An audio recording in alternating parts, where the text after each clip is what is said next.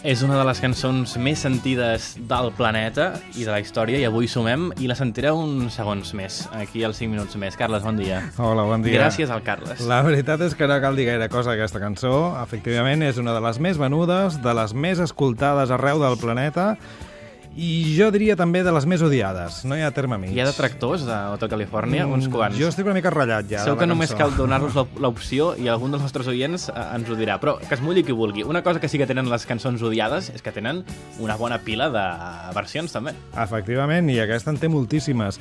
Um, aquesta cançó, segons els seus propis autors, els Eagles, és una visió de la bona vida a Los Angeles, en aquest hotel de luxe anomenat Hotel Califòrnia.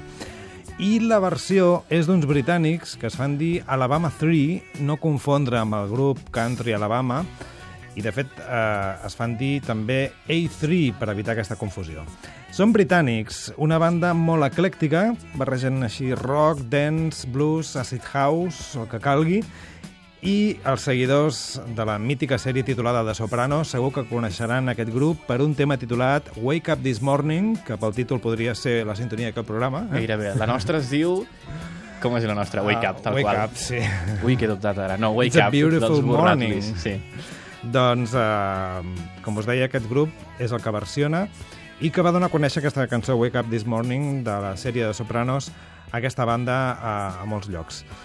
A3 i Hotel California, que no té massa a veure amb l'original i jo penso que us agradarà més els que no us agradi aquesta cançó. Doncs vinga, comprovem-ho. Gràcies, Carles. Adéu. Early